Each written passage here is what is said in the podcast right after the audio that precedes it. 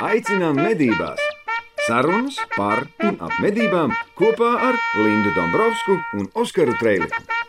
Čau! Garām!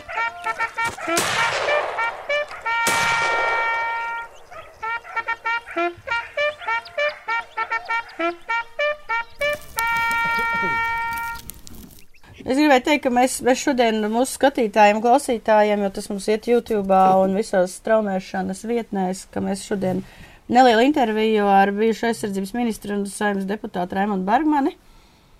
Uh, tieši par to tēmu, ja aizvakar no rīta pamodos un skatījos Eiroņos, tad noskaņojums bija šausmīgi bēdīgs. Šodien ir mazliet, mazliet optimistiskāks skats uz dzīvi, jo cīnās pretī Ukraiņi. Un tādēļ ir jautājums, ko mēs arī esam saņēmuši no daudziem saviem uh, klausītājiem, skatītājiem, ir no medniekiem, uh, ko reāli tagad mēs varam Latvijā darīt un uh, ko mednieks var darīt. Un, uh, viens no galvenajiem jautājumiem bija, ja mums tagad ir pēkšņi sliktākajā gadījumā jāevakuējās, jābrauc ko, prom, ko darīt ar ieročiem. Nu, tas ir vesela tēma, tādēļ mēs arī par šo jautājumiem gribam ar tevi parunāt mazliet uh, un ieviest cilvēkiem skaidrību tad to pēdējo pusi man bija grūti saprast, kur mēs brauksim prom. Jo īstenībā nav jau kur braukt.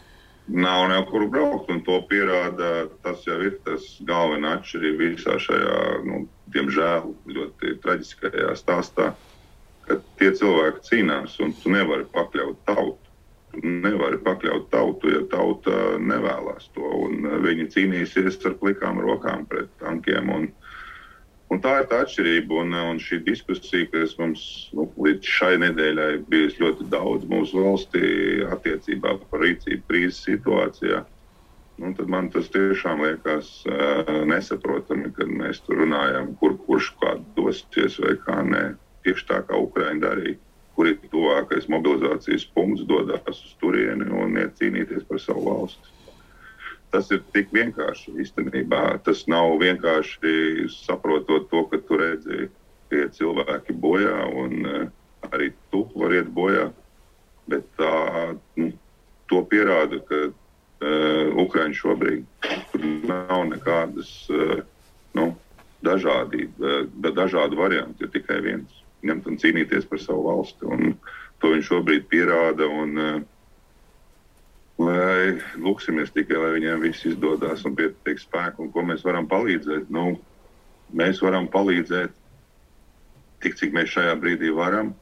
Un uh, to, ko es šobrīd esmu redzējis, ka vakar ir pieņemts uh, lēmums uh, palīdzēt ar ieročiem un, un dažādām citām lietām, un munīciju un, un citiem resursiem. Uh, Ukraiņas valstī. Un, tas ir ļoti, ļoti pareizi. Es šorīt arī no rīta redzu, ka mēs arī mēģinām, un tas, kas tiešām viņiem būtiski, ko es arī dzirdēju, esmu šajās dienās, kad šis degvielu krājums, un ko jau mēs arī no citu kāru pieredzes zinām, ka tas ir ļoti, ļoti būtisks un tāpēc iespēja palīdzēt. Un, protams, dažāda veida palīdzības, kas droši vien būs vēlāk nepieciešamas, kas jau bija notikušas, kā ievainoto uzņemšana pie mums, droši vien palīdzēt viņiem rehabilitēties šeit, droši vien bēgļu uzņemšana, gatavošanās bēgļu uzņemšanai un daudz cits. Tikai nu, vienīgais, kas man eh, jau kuru reizi man, man negribās to tik bieži atkārtot, bet laikam ir jāatkārto, un es ceru, ka varbūt šajā reizē izdosies to realizēt ka mums valstī ir nepieciešams tāds koordinēts uh, krīzes vadības un uh, monitoringa centrs. Un tas ir tas, kas šobrīd ir ļoti, ļoti nepieciešams. Un redzot to iepriekšējo mūsu pieredzi, kas šobrīd vēl ar vienu turpinās ar pandēmiju, tas ir tas, kas man liekas trūks šī koordinācija un informācijas apkopošana. Un tā, un tā rezultātā arī reaģēšana uz tām situācijām. Un tas ir tas, ko mēs Piemēram, es ļoti labi redzēju, piemēram, kā darbojās šobrīd Ukraina. Viņi tam bija, domāju, pietiekoši ilgstoši gatavojušies. Un arī droši vien ņēmuši vērā to bēdīgo pieredzi 14. un 15. gadā. Un līdz ar to precīzi ziņojums no rīta, kā strādā kritiskā infrastruktūra, kas mums notiek tur, kas mums notiek tur. Un tas jau arī šobrīd ir tas, ko mēlamies mēs uzbūvēt pašu valsts aizsardzības sistēmu. Un, protams, ka tas ir arī viena no NATO šī brīža aktualitātēm, ka viņi runā par šo valsts noturību krīzes situācijā. Un tā ir tā palīdzība šādā gadījumā arī viņiem, lai šī valsts būtu nu, rīcības spējīga tajā brīdī, ja gadījumā notiek kaut kas. Un tur jau ir izstrādāts šīs līnijas, un tas viss ļoti aktīvi sākās no, no ļoti vēsturiskā notikuma 2016. gadā, kur arī man bija lēmts piedalīties, un kad tika pieņemts šis lēmums izvietiet pie mums sabiedroto kaujas grupu. Un, un tur arī tika runāts tiešām par šo noturību valstu, un tāpēc arī NATO speciālisti brauc uz katru no NATO dalību valstīm un sadarbojās ar konkrētām, konkrētām institūcijām, kuras ir atbildīgas par šīm lietām. Un, nu, tas jau ir tas, ko mēs bieži dzirdam, redzam, bet, bet tikai tad, kad varbūt krīze kaut kāda ir iestājusies, sākam aizdomāties. Un, bet uh, saulēcīga sagatavošanās dod to milzīgo iespēju pārvarēt viņus daudz, daudz kvalitatīvāk un mazsāpīgāk. Nu, tas ir tas, ka nu, tiešām kā darbojās nu, tās septiņi pilāri ir uh, uz šīm NATO izstrādātēm un tā kā mēs veidojam savu visaptvarošo valsts aizsardzību. Un tas ir, protams, šīs, ja mēs runājam par mūsu uh, šīm sistēmas izveidošanu, tad tie septiņi pilāri ir militāro spēju attīstība, sadarbība, sekmēšana starp privāto un publisko sektoru, tad ir civilā aizsardzība, tad ir tautsēmniecības tiešām noturība, psiholoģiskā aizsardzība, strateģiskā komunikācija, kas tiešām ir ļoti, ļoti svarīga, un sabiedrības izglītošana un uh, valsts aizsardzības mācības ieviešana skolā. Tas ir tas, ko laikam, mēs šodien darām - sabiedrības izglītošana kopā ar jums. Un, un, eh, nu, par to ir daudz eh, jārunā. Tiešām, kā mēs spējam būt gatavi un darboties, un, un kā mēs varam ik viens iesaistīties. Un, nu, šīs koordinētās informācijas saplūšana vienā vietā un monitorings ir tas, kas eh, ļoti, ļoti, ļoti palīdz tādās krīzes situācijās. Un ka tev ir skaidrs algoritms, kā tu rīkojies. Nu, mēs nepavēlti zinām, nu, man liekas, tāds varbūt nebūs labs piemērs šajā gadījumā, bet, piemēram, no visa valsts, piemēram, tāda kā Japāna, no mazām dienām tiek mācīta, kā jārīkojas eh, zemestrīces gadījumā. Un viņi pilnīgi no mazotnes zina, kā, kas ko dara, kur ir, kur ir labākā vieta, kur uh, atrasties tajā brīdī, kas jādara, ko nedrīkst darīt. Un līdzīgi, un es domāju, arī mums uh, šeit Latvijā ir jāspēj būt sagatavotiem. Ir šis izstrādāts uh, civilās aizsardzības plāns. Nu, šobrīd tikai viņu vajag ieviest un pilnveidot, un atbilstoši tam arī sagatavot resursus un, un darboties. Un, uh, Jo nu, šīs informācijas, kā jau teicu, apkopošana un vadība ir tas pats, pats galvenais. Un šorīt arī no rīta lasot mūsu valstī tieši tā, ka daudzas pašvaldības jau ir gatavas un, uh, un iesaistīties un ir mēģinājuši arī apkopot, kā un ko mēs varam. Un tad šī informācijas nodošana, tāda civilās aizsardzības uh, atbildīgai, kas šajā gadījumā ir valsts ugunsdzēsības un glābšanas dienas un iekšlietu ministrija Nu, mums šobrīd tiešām ir jādomā par to, un šī būtu tā īstā reize, kad mēs varētu laikam, realizēt šādu centra darbību. Un šobrīd nevajag domāt uzreiz par kaut, kaut kādu nu, māju būvniecību, bet ir pielāgot to sistēmu un pēc tam jau veidot viņu tādu, kāda varbūt viņi izskatās tepat kaimiņos. Igaunijā, Igaunijā jau šāds centrs ir. Un Lietuva un Lietuvas secinājums pēc pandēmijas, ka viņi šādu centru tiks, no, tiks uzbūvēts un uh, ieviests no 2023. gada 1. janvāra. Es domāju, ka arī mēs to spēsim. Šā garām jaktei būt. Tā es saprotu Jā. par tiem ieročiem. Ieročiem katram Jā. ir uh, sava atbildība, un es domāju, ka tur ir ļoti precīzi, ko jūs pat labāk droši vien zinat. Atbildība par ieročiem, kāda ir. Un, uh, šajā gadījumā, jā, Nu, Nu, vienkārši tāpēc, ka šobrīd, notiek. šobrīd mednieku veikals ziņo, ka munīcija ir izpirkta. Nu, jautājums, nu, ja tu viņu pērc to munīciju, tad uh, jautājums, kādiem, kādiem mērķiem un ko tu ar viņu darīsi. Uh, Nē, nu, zini kā. Droši vien, nu, marodierisms un vēl kaut kas. Šajā gadījumā droši vien to mērķi mēs nevarēsim neviens noskaidrot. Nē, šajā gadījumā, kā mednieki, mednieki var iegādāties munīciju medībām Nē. Nu uh, un daudzām savādā, nu, droši vien uh, arī šajā brīdī daudz cilvēku droši vien arī uh, kaut kā savādāk skatās uz to, ka uh, viņiem ir ierocis. Ja, un tā, un tāpēc uh, šajā gadījumā es domāju, ka ir ļoti labi, ka mēs vēl aizsardzības ministrijas laikā, kad uh, es vēl biju ministra amatā, mēs noslēdzām šo sādarbības memorandu, kura ietvaros arī ir tas uh, aprakstīts, tās, kā mēs viens otru varam uh, papildināt, palīdzēt. Uh, tā skaitā, nu, Cik es zinu, tas turpinās, eh, notiek šīs apmācības, šī sadarbība eh, starp eh, medību kolektīviem un militārām vienībām, tā skaitā arī zemesardzes, kas ir tiešām tās, kas ir viszinošākās, jo viņas ir kā uz vietām, tātad nu, tuvāk šajos reģionos.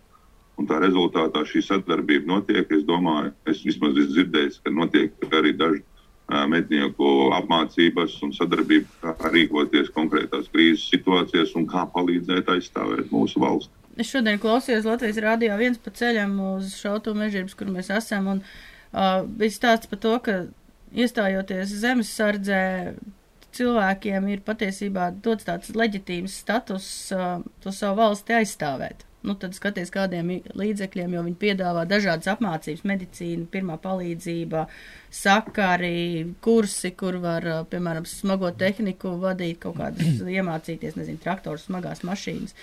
Nu, tas, tas, biš, tas bišķiņ vairāk, tas bišķiņ vairāk izskaidro to, jo liekas, nu kā, nu zemes sardzē tagad būs mācības, tev ir pa mežu jāskraida, bet izrādās, nu, man pašai tā, tā atklāsme bija, ka tā, tā ideja iestāties zemesardzē ir daudz plašāka nekā daudz cilvēku patiesībā saprot. Jā, par to mums vajadzētu parunāt. Bet uh, es saprotu, memorāns, vai teiksim, bez iestāšanās zemesardzē, iedarbinot memorandu, mēs varam izmantot, aizstāvēt savu valsti kaut kā savādāk? Nē? Jūs nevis varat, bet, bet tas ir pienākums, un tas ir šis. Ir ne, nu ņemt savu ieroci un aizstāvēt, es tā domāju. Es, es biju domājis, teiksim, man ir ierocis, es ņemu un aizstāvu valsti. Bet tad man jāstājās struktūrās kaut kur iekšā. Nu, nu, protams, jā, jāpiesakās. Nu, tas, es, tas, mēs jautājums. šobrīd jau runājam par dažni, par dažni dažādiem scenārijiem. Nu, bet, protams, ka tas būtu tas labākais, ja būtu šī sadarbība, būtu zināms, un tas jau arī notiks. Tad, ja nu nedod Dievs mūsu valstī, e, būs e, karš. Tad e, katram būs saprotams, kur viņš dodas un kur ir viņa vieta aizstāvības laikā. Jā. Un, nu, kā jau arī teicu, nu, nu, mobilizācijas likums tas ir pilnīgi skaidrs, kur katrs dodas un ko viņš tur dara. Un, protams, jau nu, tas, kā jūs teicāt, ir tas, ka var būt nu, situācijas dažādas, un pēc tam tas var izvērsties kā partizānu karš. Ja? Nu, tad arī tādā ziņā, ja? Tātad, kā mēs e, spējam pretoties konkrētam e, jau variantam. Un par to jau ir tas, ir, kas būtu tas labākais, ka mums būtu šādas apmācības sadarbība un kā mēs uh, varam izmantot to potenciālu zināšanas, tas, kas medniekiem ir neapšaubām priekšrocība, cik viņi labi pārzina savu teritoriju, cik viņi ir organizēti un ātri var norēģēt uz kaut kādām krīzes situācijām. To mēs zinām kaut vai no nu, to pašu pieredzi, kad eh, nu, kaut kas notiek ar, ar, ar meža dzīvnieku uz ceļa. Un tad ir diezgan liels, varbūt, avārija. Ja? Cik ātri tas tiek veikts, kaut kur sazinoties un ātri tiek iedarbināts un rēģēšanas spēja. Tā jau ir tā milzīgākā priekšrocība šiem medību kolektīviem, eh, kuri ir tiešām ļoti tādi, man liekas, nu, ļoti ātri rēģējoši spējīgi un, un palīdzīgi. Un viņiem tiešām es pats otro reizi mūžā piedaloties medībās kā dzinējam. Uh, Sen nebiju bijis, 20 gadu atpakaļ bija pirmā reize, un šogad bija otrā reize. Tad es redzēju to sadarbību un cik ir attīstījusies šie sakaru sistēmas jau pašiem medniekiem. Jau šobrīd, un, un viss tas, kā viņi pārzina teritoriju un, un, un zina katru strautu un katru grāvī. Nu, tas, man liekas, arī bija tas, kas var dot milzīgu pienesumu tajā brīdī, ja nedodies, kā es teicu, pie mums ir kaut kāda tāda krīze. Nu ko? Lādē iekšā! Tev bija personīgs jautājums, Oskar. Man arī bija viņa uzdeva. Ā, Nē, tu jau es- viņu uzdevu, Es to tu mēs tam- vairāk vai ma Jā, mazāk. mēs Man, pirms man tam, bija tas. mēs pirms tam runājām arī ar Oskaru par to, ka tagad, kā teica, sociālos tīklos parādās tie cilvēki, kas ir tā kā, Ah, tu par šito Jā. jautājumu domāji. Ā, to jautājumu. Jā, to jautājumu. Nē, nē. nē mēs starp citu, jā, kā rīkoties, drīzāk jautājums ir, kā rīkoties un kā rēģēt uz tiem, jo šajās dienās sociālajos tīklos ļoti labi izfiltrējās starp medniekiem esoši uh, prokrieviski mednieki, tā es nezinu, vai personāži, subjekti. subjekti, ja tā varētu teikt, jo mēs saprotam, ka starp medniekiem ir ļoti daudz, kas atbalsta Krieviju, kā izrādās. Nu, teiksim, ar saviem izteikumiem sociālajos tīklos, teiksim, Facebookā. Viņi tur uzliek Krievijas karodziņu sev virsū par atbalstu Krievijai, nevis Ukrainai. Ja? Un, un tas rada zināmu uztraukumu, jā, arī mums mednieku sabiedrībā. Ko mums tagad darīt? Bez mazvai, ja? Nu, jā, nu, šis laiks ir tas laiks, kā es teicu, un šis arī būs tas eh, šķīstītājs, kad tu parādīsi, cik tu esi lojāls eh, savai valstī.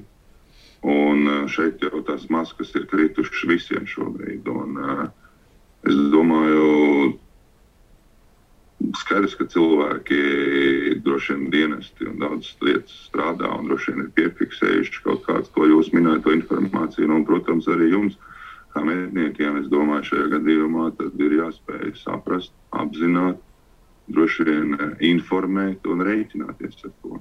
Un tas ir eh, šobrīd, tas, domāju, tādā memoranda ietvaros, jūs to varat droši, droši vien pārunāt ar eh, atbilstošiem dienestiem un arī nu, sazinoties droši vien arī ar citām institūcijām, visu to izvērtēt un uh, apzināt un saprast, kā tad, eh, kāda ir tā situācija. Bet, uh, kā jau teicu, tas tiešām ir ļoti. Uh, šis brīdis ir tas brīdis, kad uh, tev vairs nav nekādas laipošanas. Te vai no tā, vai no tā. Nu, diemžēl uh, tāda ir tā situācija uh, izveidojusies, ka daudz cilvēki vai no arī šajā informatīvajā karā, kas tiešām šobrīd notiek, un tas ir tas, ko es arī esmu daudzkārt šajās dienās teicis, ka cilvēki, nu, es nezinu, viņiem uh, jāizvērtē, kurš ir patiesa uh, kaut kāda informācija, kura nav patiesa, un arī uh, jūsu uzdotais jautājums arī ir jāsaprot, ka tā varētu būt arī kaut kāda cita, kaut kāda informācijas iepludināšana, lai radītu arī šeit varbūt kaut kādas uh, situāciju tādu. Tā kā tas viss ir tiešām jāizvērtē caur tādu savādāku prizmu. Droši vien atbilstošie dienesti par to jau domā un uh, rīkojās. Un uh, šajā gadījumā nu, jā, nu, tas ir tas, par ko šajā brīdī mm, jūs pareizi uzdevāt jautājumu.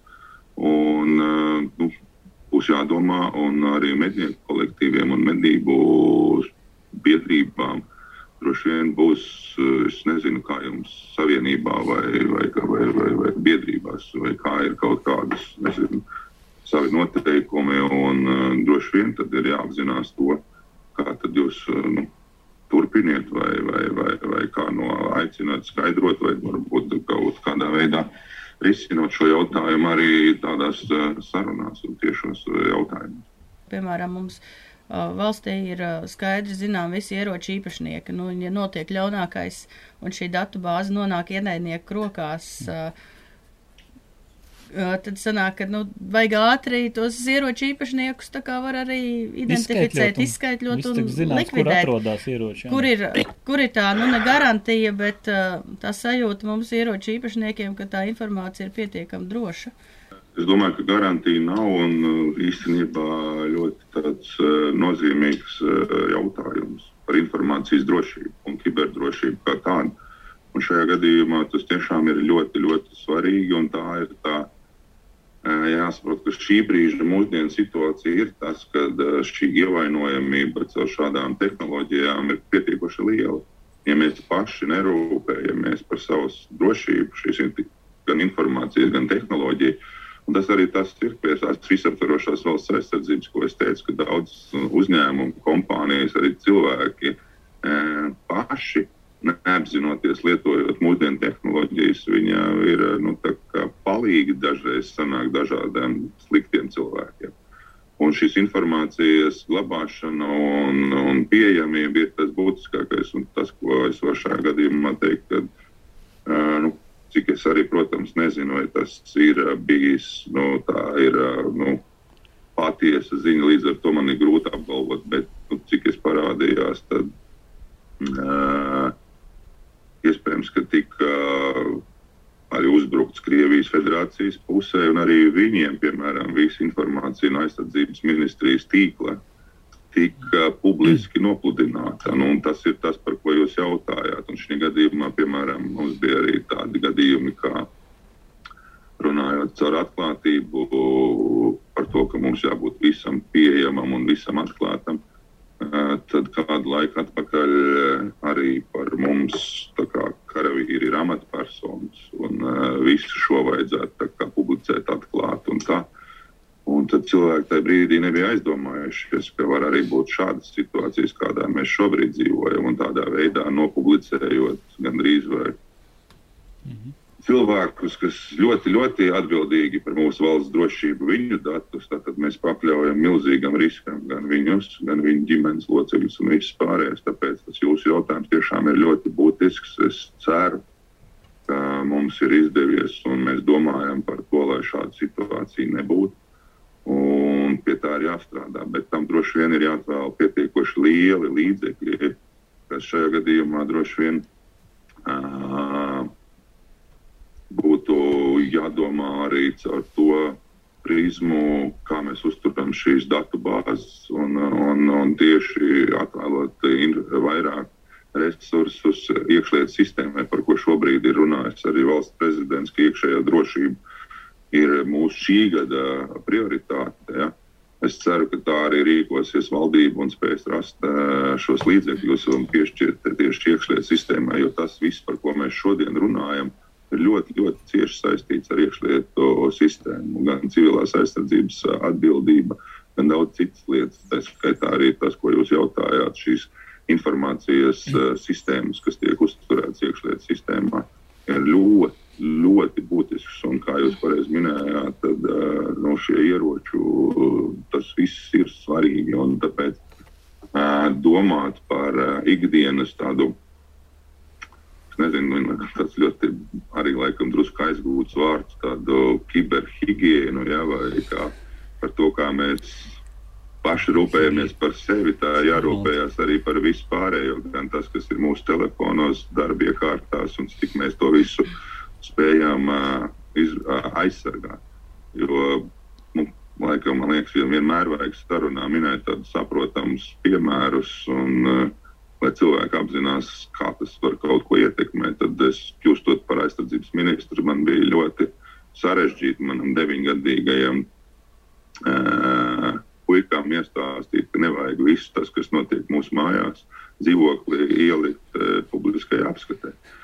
Un, nu, pamēģiniet to iestāstīt deviņgadīgam puikam. Tas nav tāds viegls izaicinājums. Un, uh, nu, jā, un tas ir tas, ko es varbūt tādā veidā drusku tādā vieglākā formā paziņoju, bet tas tiešām ir ļoti būtiski, ko jūs teicāt par šo drošību, par šo sistēmu un informācijas aizsargāšanu. Tas ir ļoti būtiski. Tas ir ļoti būtiski, un par to ir jārūpējas. Un, uh, mēs arī dzirdējām šajās dienās, ka tiešām notiek šie uzbrukumi mūsu uh, sistēmām, un, un, un, un, un šis pandēmijas laiks, kad bija nu, kad mēs ļoti daudz kur pārgājām uz attālināto, līdzīgi kā šodien mēs runājam, attālināti par to, ka tā ir iespēja, bet vienlaicīgi ir jādomā arī par to, kā mums to aizsargāt visu informāciju, jo caur šo iespēju mēs iespējams radām kādam citam atkal iespēju sliktam cilvēkam izmantot to sautīgos un neliecīgos veidos. Tāpēc vienmēr par to ir jādomā un jāsaprot. Un tas nav viegli. Tas nav viegli Jo nu, tas ir līdzīgi kā varbūt apdrošināšana, ja, ka mēs izšķiramies apdrošināt, tad, tad jau varbūt mums kaut kas ir noticis. Domāt pirms un atvēlēt veltīt tam līdzekļus, tas nav viegli. Ticiet man, es zinu, cik tas ir sarežģīti. Un līdzīgi ir ar šo visaptvarošo valsts aizsardzības sistēmu. Tur ir jāiegulda milzu līdzekļi, un tas ir tā mūsu valsts apdrošināšana pret kaut kādiem krīzes gadījumiem, un tajā brīdī, kad tev pretī noliek droši vien citus, citas nepieciešamības, kur cilvēkiem ir daudz vieglāk pieņemt. Un viņi saka, nu, kāpēc mums nav tas, tas, tas, tas, tas kas ir nu, ikdienā, mums ir ikdienas vajadzīgs, un tad runāt par to, kas varbūt mums varētu kādreiz notikt tikai. Un tam veltīt līdzekļus, nu, tas ir tas sarežģītākais, man liekas. Nu ko, pārlādējam!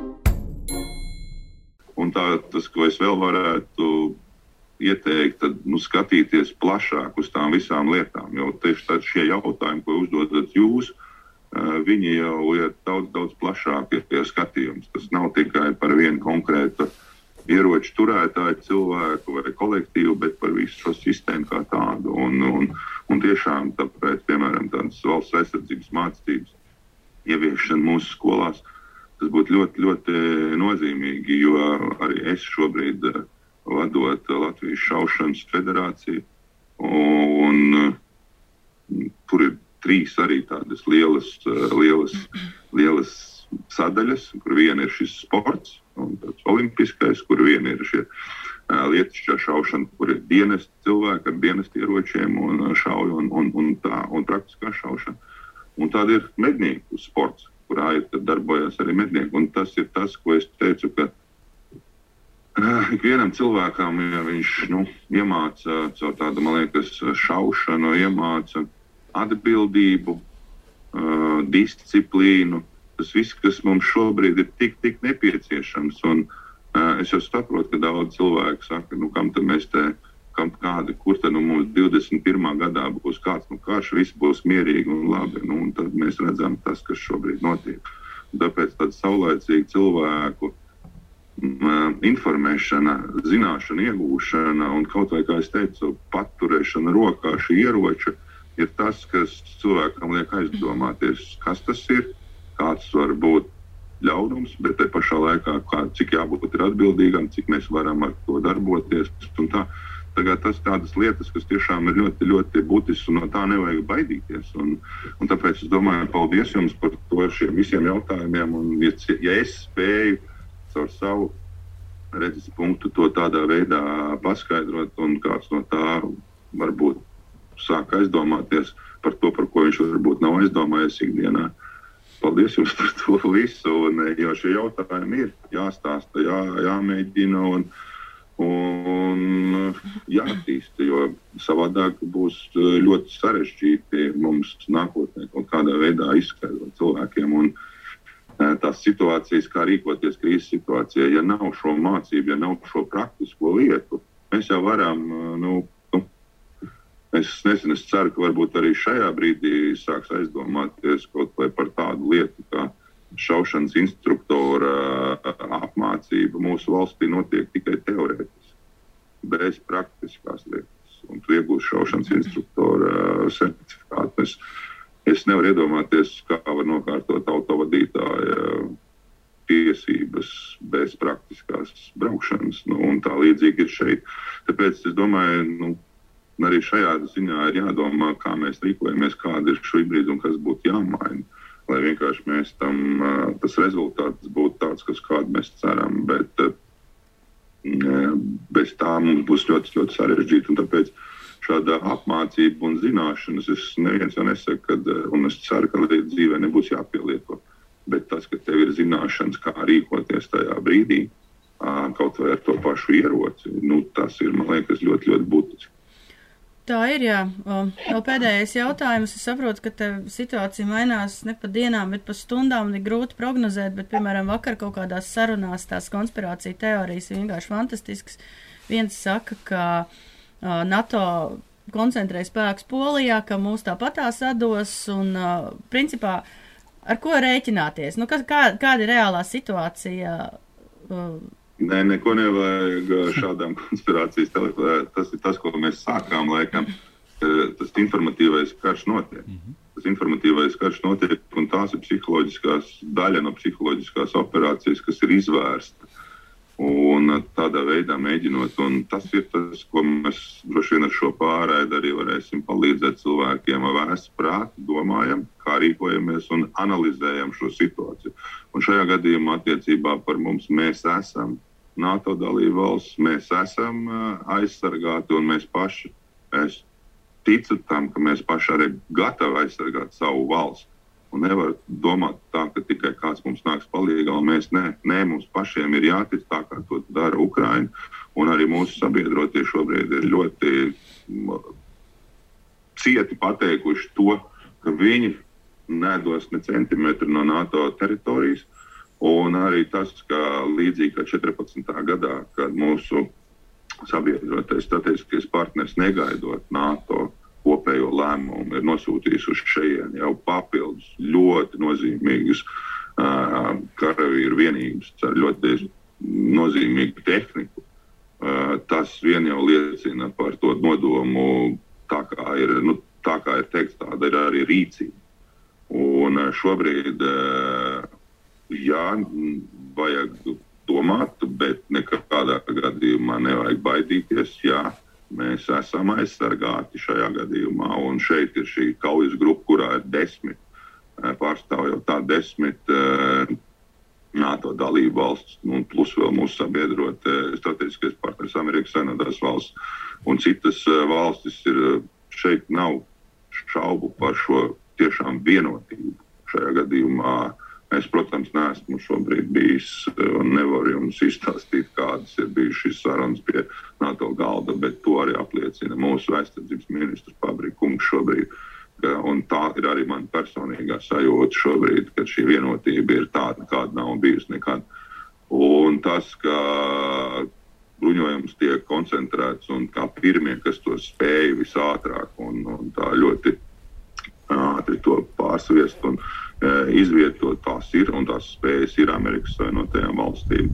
Un uh, no šīm četrām kaujas grupām, kuras ir izvietotas trijās Baltijas valstīs un Polijā pēc 2016. gada Varšavas NATO samita, tad uh, tieši Polijā Amerikas Savienotās valstis ir kā ietvara nācija, tātad vadošā valsts šai kaujas grupai. Līdz ar to arī viņi izvērtē un, un dara visu to, kā viņi redz to situāciju. Un, ja tas ir nepieciešams, tad uh, tas ir nepieciešams. Un nevajag aizmirst arī to ļoti bieži, bet šobrīd tas nekam sāk jau tādā militārās lietās uh, iedziļināties, uh, kas starp uh, šo teritoriju, Kaļiņģerādu un Baltkrieviju, ir šis tā saucamais soli koridors. Mm kurš nav ļoti plašs, un tāpēc uh, tas ir plāni, kādi var būt kādai citai valstī ir, ka tas ir kā liekums šo atbalstu no NATO dalību valstīm. Tāpēc tas ir ļoti būtiski,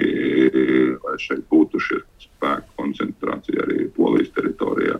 Un šie spēki tiek papildus izvietot arī mums. Arī Kanādas valdība ir pieņēmusi jau paši valdību sūtīt palīgspēks, un Kanāda ir mūsu, mūsu kaujas grupas šī vadošā valsts. Un, un līdz ar to valstis jau šobrīd ir darījušas un dara ļoti daudz. Kā, kā, un, tiešām lūgums un aicinājums izvērtēt šādas informācijas patiesumu un mērķi, kāpēc tāda tiek ievadīta. Tas ir tas, kas, kā es teicu, mūsdienu tehnoloģijas ir labas lietas, bet no viņām vienmēr ir jāskatās dažādāk. Nu, kā medaļai ir divas puses, jā, un nu, tad bieži arī izmantoju šo teicienu, kā jūs minējat par šīm konspirācijas eh, teorijām, bet uh, tas teiciens, man liekas, bieži parāda to būtību, kā tas var būt. Eh, tad, tad no vienas puses cilvēks, vienu cilvēku sauc par spiegu, no otras puses viņš ir izlūks. Un šī gadījumā tas ir tas stāsts. Un, un tāpēc par mūsu valsts drošību mums pašiem ir jārūpējas, un šobrīd mēs kopā ar uh, mūsu sabiedrotajiem uh, esam drošībā.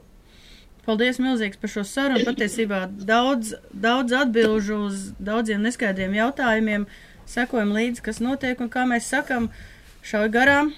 Nu, jaktei būtu, droši vien, kaut kā tā. Un nemēslojam mežā. Nemēslojam mežā, jā. Paldies, milzīgs Raimond. Nemēslojam mežā, man liekas, tas ir uh, svarīgi. Un uh, es domāju, aicinām uh, kļūt par uh, medniekiem, mīlēt savu zemi, uh, aicinām. Uh, Aicinām cilvēkus, kuri izvēlās, varbūt šajā brīdī, līdzīgi kā 14. gadā, ļoti daudz cilvēku izvēlējās iegūt zināšanas, kā aizstāvēt uh, mūsu valsts, tad lūdzu arī tā iespēja, kā vienmēr pastāv.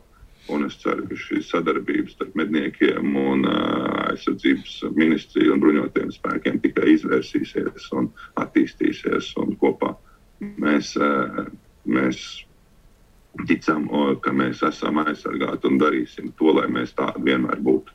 Paldies, milzīgs par sarunu. Paldies Tad par sarunu. sekojam līdzi, kas notiek. Ņemamies nost. Masts beidzies.